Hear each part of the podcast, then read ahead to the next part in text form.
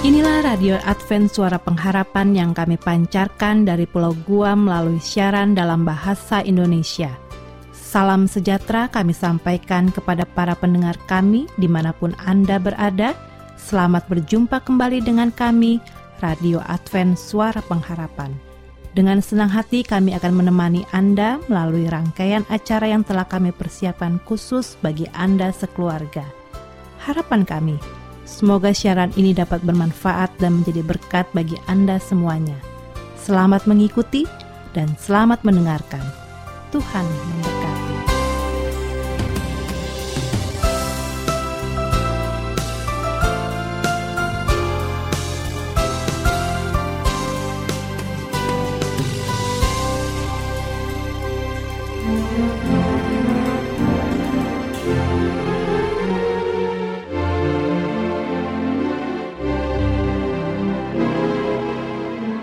Saudara pendengar yang setia Radio Advent Suara Pengharapan. Saat ini tibalah kita di acara kesehatan. Besar harapan kami agar program acara ini boleh menambah pengetahuan kita semua. Karena kita tahu bersama bahwa di dalam tubuh yang sehat terdapat jiwa yang kuat. Namun sebelumnya mari kita mendengarkan lagu pujian yang berikut ini. Selamat mendengarkan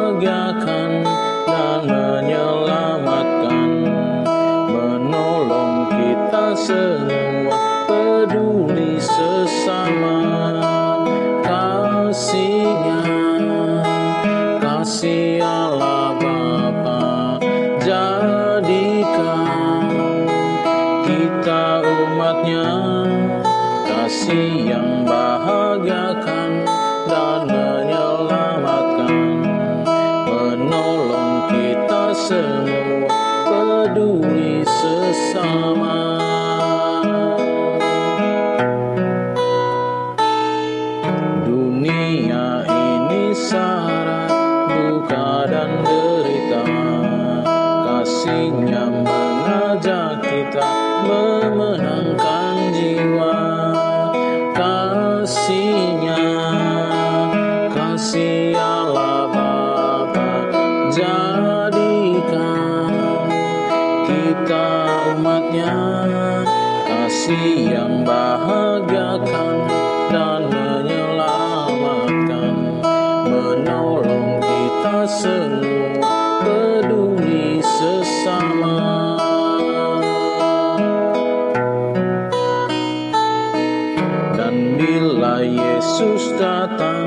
menjemput umatnya. Kita nyanyikan selamanya Yesus dan kasihnya. Kasihnya. Kasih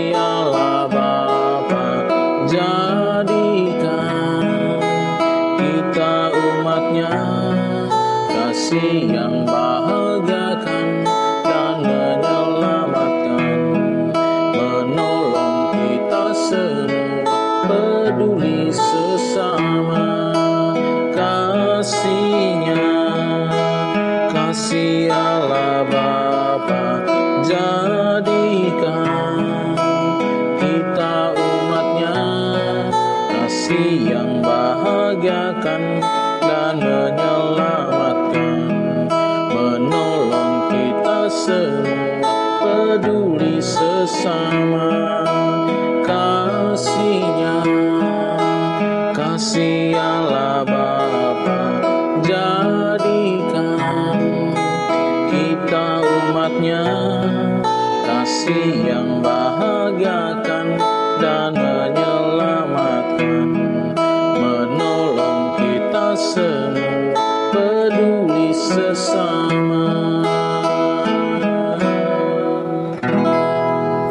sampaikan salam dari studio dan terpujilah nama Tuhan karena kita masih memiliki waktu untuk bertemu kembali ya walaupun lewat udara. Tetapi ini adalah satu hal yang uh, kita perlu syukuri dan akan kita gunakan manfaatnya bersama. Kali ini saya yang bertugas Ayura uh, berbahagia karena boleh bersama-sama dengan para pendengar kami yang setia dan budiman di mana pun Anda berada yang dengan tekun ya setia mendengarkan siaran-siaran kami. Kali ini kita akan lanjutkan ruang kesehatan kita. Dan topik yang sudah disiapkan adalah tentang amandel. Nah, amandel ini eh, kadang-kadang dianggap sepele ya. Apalagi kalau anak-anak rasanya dianggap biasa tuh kalau ada amandel. Bahkan banyak orang cepat-cepat bahkan ingin dioperasi. Saya ingat ada beberapa uh, pengalaman pada saat kecil Teman-teman saya ingin amandelnya dioperasi karena pada saat itu kalau amandel dioperasi, setelah dioperasi dianjurkan untuk makan es krim banyak-banyak ya. Itu pengobatan pada saat itu. Nah, itu membuat anak-anak ingin supaya amandelnya dioperasi. Oke. Okay. Kalau uh, demikian, benar nggak ya? Oleh sebab itu, sebaiknya mari kita sama-sama ketahui sedikit tentang amandel. Dan mungkin ini lebih berfokus kepada apa yang dialami oleh anak-anak ya. Amandel atau dalam bahasa kedokteran dikenal dengan tonsil, merupakan salah satu dari bagian sistem kelenjar getah bening. Ya, jadi itu bagian dari sistem imunitas tubuh ya. Letaknya itu di sisi kiri dan kanan di belakang rongga mulut. Nah, fungsi dari kelenjar getah bening itu tadi saya sudah sampaikan adalah sebagai sistem pertahanan tubuh. Jadi amandel fungsinya juga adalah sebagai sistem pertahanan tubuh. Jadi amandel ini merupakan benteng pertahanan di bagian barisan paling depan. Jadi yang dia berdiri di garis paling depan. Sehingga tubuh ini bisa terjaga dari infeksi yang datangnya itu melalui mulut. Jadi sebetulnya amandel ini punya tugas yang cukup berat karena dia ada di garis depan ya. Kayak tentara itu kalau sudah di garis depan itu berat tugasnya. Amandel harus berhadapan dengan banyak musuh ya. Itu berupa segala macam kuman yang bisa masuk lewat mulut. Sehingga sangat mungkin dan sangat sering terjadi amandel ini mengalami reaksi peradangan atau dikenal juga dengan infeksi itu karena dia e, harus berhadapan dengan banyak kuman. Nah, kalau terjadi peradangan pada tonsil itu disebut tonsilitis ya, itu dalam bahasa kedokterannya. Tonsil itu amandel ya, tapi tidak disebut amandelitis. Ke e, istilah kedokterannya adalah tonsilitis. Nah, kondisi ini, infeksi pada amandel atau tonsilitis ada dua jenis dibagi menjadi tonsilitis akut dan tonsilitis kronis. Kalau akut atau kondisi amandel yang akut itu peradangan yang mendadak. Jadi eh, kiri dan kanannya bisa salah satu ya atau bahkan juga kedua-duanya itu mengalami peradangan secara mendadak. Menurut kedokteran, penyebab yang tersering adalah kuman namanya beta streptococcus hemolyticus. Tapi juga bisa disebabkan oleh streptococcus yang non hemolyticus, bahkan juga disebabkan oleh Streptococcus viridans ya. Ini kalau terjadi tonsilitis akut atau amandel yang akut. Nah, Kondisi yang seperti ini atau jenis yang seperti ini yang banyak sekali dialami oleh anak-anak. Mari kita lihat apa saja sih gejalanya. Ya, jadi gejala-gejala e, tonsilitis akut atau amandel akut ini demam tinggi, lalu tenggorokan nyeri, mulutnya bau, ya. Kalau dipakai menelan nyeri, jadi nyeri menelan. Bahkan kadang-kadang bisa disertai dengan telinga terasa sakit. Kalau misalnya dilakukan pemeriksaan, maka amandel, ya, jadi biasanya disuruh buka mulut ya, kemudian diperiksa ke dalam, diberi sinar supaya boleh membantu. Itu kelihatan amandelnya bengkak, warnanya kemerahan. Bahkan kadang-kadang pada amandel itu dokter atau pemeriksa ya, para medis perawat bisa melihat bercak-bercak kuning keabu-abuan. Itu sebetulnya adalah tanda atau merupakan um, sign ya tanda dari sel-sel darah putih atau leukosit, sel epitel yang sudah mati dan kuman patogen. Nah, jadi bercak-bercak itu merupakan uh, tanda bahwa ada sel darah putih yang mati ya atau juga kuman-kuman di sana. Kondisi ini juga bisa disertai dengan membesarnya kelenjar ludah di bawah rahang yang disebut dengan submandibular. Jadi kalau biasanya dilakukan pemeriksaan itu diraba ya di sekitar bawah rahang. Kalau waktu diraba umumnya yang sedang mengalami amandel atau tonsilitis akut ini, wah dia akan merasa kesakitan ya. Nah, itu tadi yang kita kenali tentang amandel. Jadi mungkin saya ulangi sedikit saja poin-poinnya bahwa amandel ini atau yang disebut dengan tonsil itu merupakan bagian dari pertahanan tubuh ya dan dia adalah di garis depan sehingga kalau dia meradang itu sebetulnya sangat wajar karena dia harus berhubungan dengan begitu banyak kuman yang lewat mulut. Oke. Amandel yang akut ini terjadi mendadak bisa kiri atau kanan atau kedua-duanya. Dan amandel akut ini yang sering dialami oleh anak-anak. Jadi tadi eh, gejala-gejalanya adalah demam tinggi, setelah itu nyeri menelan, kemudian tenggorokannya juga nyeri, kadang-kadang napasnya jadi bau ya, lalu telinga bisa juga di, eh, jadi terasa sakit. Kalau diperiksa, itu amandelnya memang kelihatan merah, bahkan mungkin bisa terdapat bercak-bercak kuning keabu-abuan. Lalu diperiksa juga di bawah rahang nih, ada namanya kelenjar ludah ya waktu diperiksa biasanya rasanya nyeri. Nah, itulah dia para pendengar yang budiman yang bisa kita lihat mengenai eh, tanda dan gejala terjadinya infeksi yang akut pada amandel. Oke. Tapi kita tidak berhenti sampai di sini karena nanti akan kami sampaikan juga bagaimana eh, saran-saran yang bisa diberikan atau apa saja tanda yang kita kemudian boleh memutuskan untuk dioperasi. Karena nggak harus amandel itu dioperasi. Jadi cerita-cerita waktu saya kecil itu belum tentu benar ya. Hanya karena makan es krim masa harus operasi amandel ya. Jadi demikian. Sekali lagi karena itu adalah merupakan hal yang menjadi bagian dari sistem pertahanan tubuh sebaiknya itu dipertahankan. Baik, terima kasih untuk perhatian Anda. Mudah-mudahan bahasan ini menolong kita untuk mengerti lebih banyak tentang amandel. Tapi jangan lupa ikuti bahasan selanjutnya karena kita akan lanjutkan tentang amandel dengan lebih baik. Terima kasih sekali lagi untuk perhatian Anda dan kita berpisah saat ini. Sampai bertemu pada kesempatan yang berikutnya. Salam dari studio.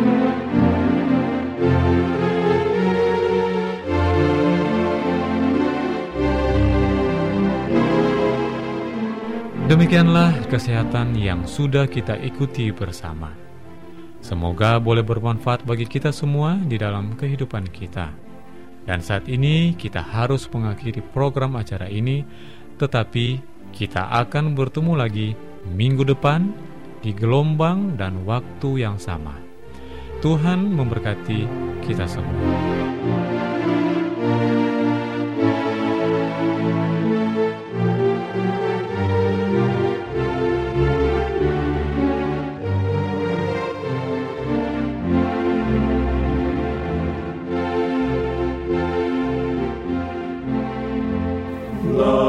love.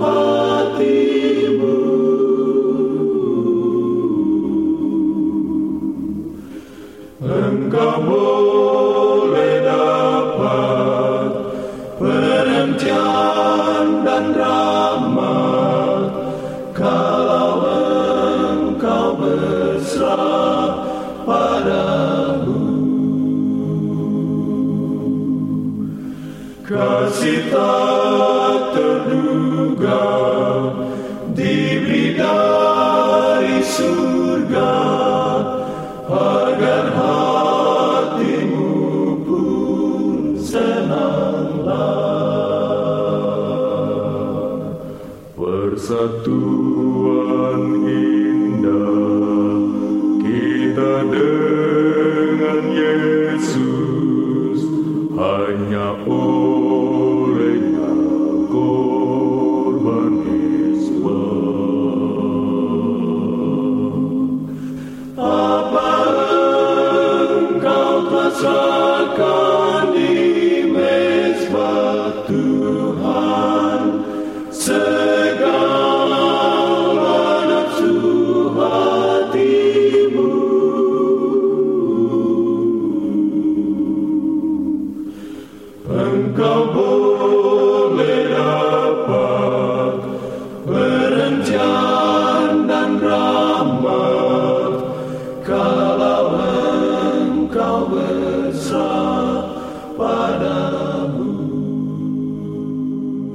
Selanjutnya marilah kita mengikuti mimbar suara pengharapan. Angkat dan bunyikanlah Yesus mau datang segera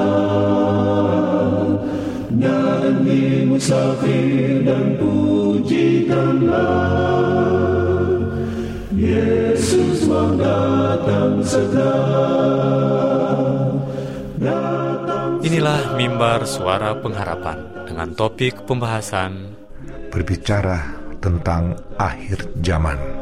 Selamat mendengarkan. Bangsa marah itu tandanya Yesus mau datang segera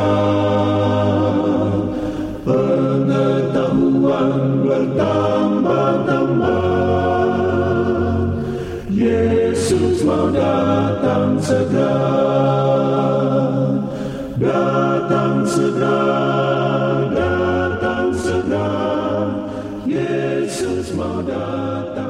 Salam saudaraku yang diberkati Tuhan, kita patut bersyukur karena saat ini diberikan kesempatan untuk mendengarkan firman Tuhan dalam acara Mimbar Suara Pengharapan bersama saya Pendeta Toga Simanjuntak dengan judul pembahasan kita berbicara tentang akhir zaman. Saudara, mengapa kita berbicara tentang akhir zaman? Kalau saudara baca dalam buku Matius pasal 24, maka di sana Yesus memberikan kita suatu tanda-tanda menjelang kedatangannya apa yang terjadi di dunia ini. Antara lain seperti gempa bumi, belah sampar, peperangan, banjir, dan lain-lain sebagainya saudaraku. Bahkan cinta diri, egois, tidak peduli orang lain, mau menang sendiri, itu juga menjadi ciri khas. Peristiwa tersebut bicara kepada kita bagaimana keadaan dunia pada saat ini begitu semakin hari semakin mengerikan. Seorang penulis Alkitab tulisan-tulisan mengenai air jama atau roh nubuat bernama Nyonya Ellen White dalam bukunya Testimonis jilid 9 halaman 11 dikatakan banyak sekarang kejadian-kejadian yang dramatis terjadi di dalam dunia ini sebagaimana dinubuatkan antara lain seperti negara Eropa maupun Eropa Timur. Berkali-kali saya membaca dalam majalah-majalah berita Kristen ataupun gereja Advent bahwa pemisahan total Eropa Timur dari orbit komunisme dalam kurun waktu kurang dari satu tahun menggenapi perakiraan dalam gerakan-gerakan zaman yang merupakan kejadian-kejadian sangat cepat terjadi saudaraku. Belum juga kepulauan debu badai gurun meredah waktu Uni Soviet meletus lagi. Kaum komunis garis keras mencoba melancarkan kudeta dan rakyat Rusia meneledak. Mereka menyelesaikan masa depan politik mereka sendiri. Dan sebagaimana kelihatannya waktu saya menulis buku ini, mereka menempatkan negara-negara bangsa mereka pada jalan permanen menuju demokrasi. Itu peristiwa kurang lebih tahun 2000-an, saudaraku. Pertandaan zaman yang berlipat ganda seperti itu dan terjadi dengan cepat saling menyusul menyusul mengancam kepada umat-umat Kristen yang dengan setia membuat mereka kewalahan dan kalang kabut. Siapa tahu apa yang akan terjadi? Tidak ada yang tahu, saudaraku. Tidak ada yang tahu akan terjadi apa masa depan kita. Tetapi Ellen White menuliskan dalam buku rembuatnya, dia memberikan satu amaran apa yang akan terjadi masa yang akan datang dengan tanda-tanda kedatangan Yesus kedua kali. Pada waktu Anda membaca kata-kata ini di kejadian-kejadian yang baru saja saya sebutkan kemungkinan adalah sudah diganti oleh perkembangan-perkembangan yang jauh lebih dramatis dan jauh lebih mendekati penggenapan nubuatan. Dengan mempertimbangkan perasaan yang semakin bertumbuh mengenai mendekatnya zaman, maka rupanya sudah sepantasnya kita meriksa lagi apa yang dikatakan kitab suci. Dan penulis Ellen White mengenai Alkitab, katakan pada kita bagaimana zaman nantinya. Dan bertanya pada diri sendiri, apakah kejadian-kejadian air benar sudah melanda kita? Sementara masa depan terbentang, perkataan ini mengenai kejadian akhir zaman bisa membantu menyesuaikan kita dengan kejadian itu secara dewasa dan bukan dengan sikap fanatik. Saudara-saudara, perkembangan zaman itu bukanlah berarti kita harus abaikan dan juga jangan juga kita merasa kita sok tahu juga. Tapi harus belajar dengan baik, jangan juga kita membuat seperti suatu kemenangan dalam pikiran atau dan sikap fanatik. Itu tidak baik. Buku pelajaran dasar dalam bahasa Inggris Amerika disebut primer, lalu dalam kamus Webster mendefinisikan primer sebagai buku teks yang memberikan prinsip-prinsip dasar suatu subjek.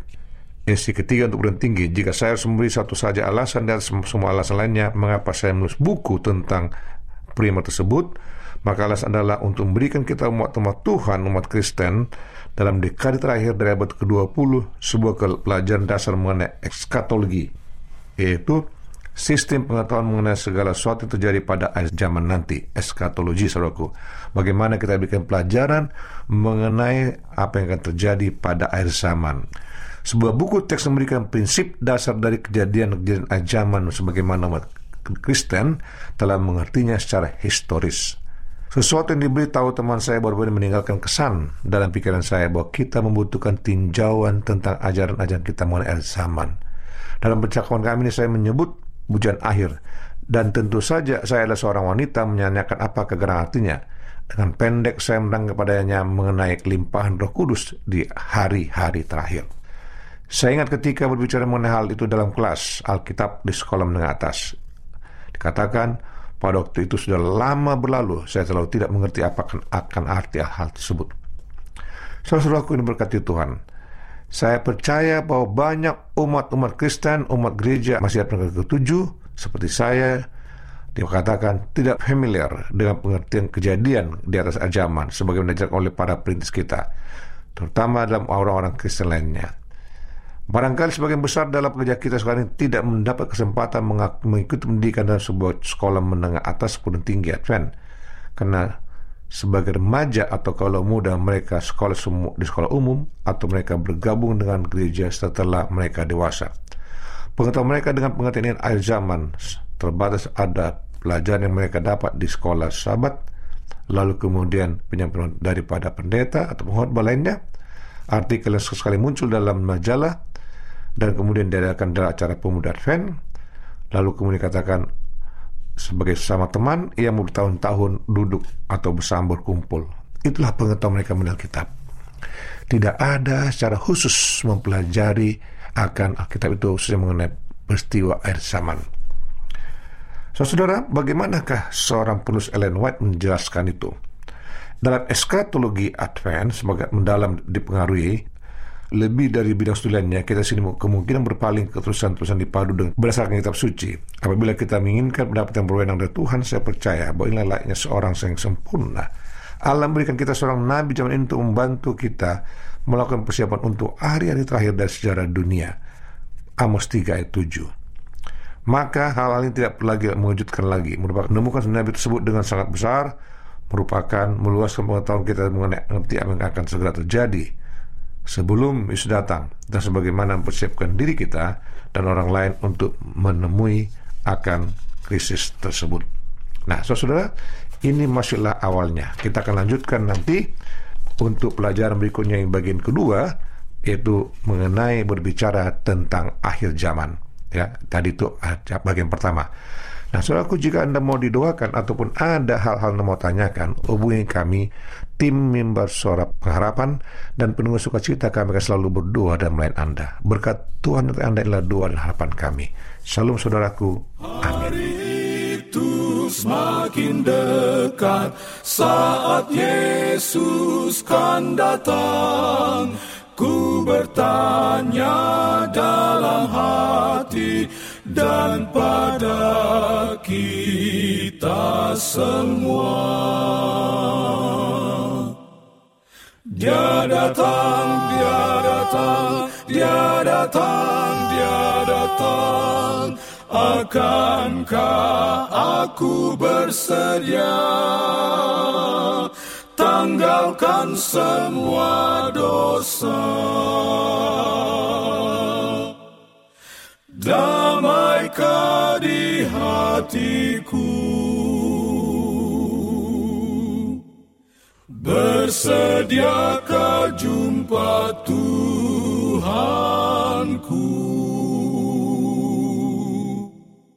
Tanda zaman semakin nyata Bila Yesus kan datang Ku berdoa agar hati dapat tumbuh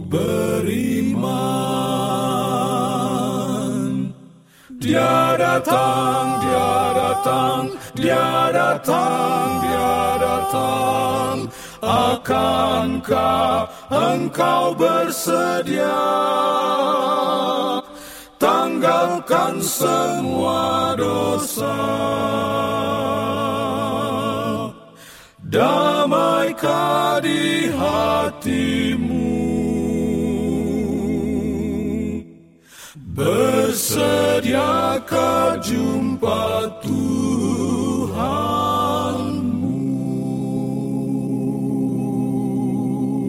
Demikianlah rangkaian program acara dari kami. Apabila Anda mempunyai pertanyaan atau ingin mendapatkan seri pelajaran Alkitab Suara Nubuatan, Anda boleh menghubungi kami dengan mengirimkan surat ke Radio Advent Suara Pengharapan, PO Box 8090, Jakarta 12810, Indonesia. Telepon 0821 1061 1595. Alamat email awrindonesia@yahoo.co.id. Anda juga dapat bergabung di Facebook kami, pendengar Radio Advent Suara Pengharapan, juga Radio Advent Suara Pengharapan. Terima kasih untuk semua pendengar yang setia. Kita bertemu lagi di gelombang dan waktu yang sama. Salam, kasih, dan, sejahtera. Tuhan memberkati kita semua. zaman semakin nyata bila Yesus kan datang. Ku berdoa agar hati dapat tumbuh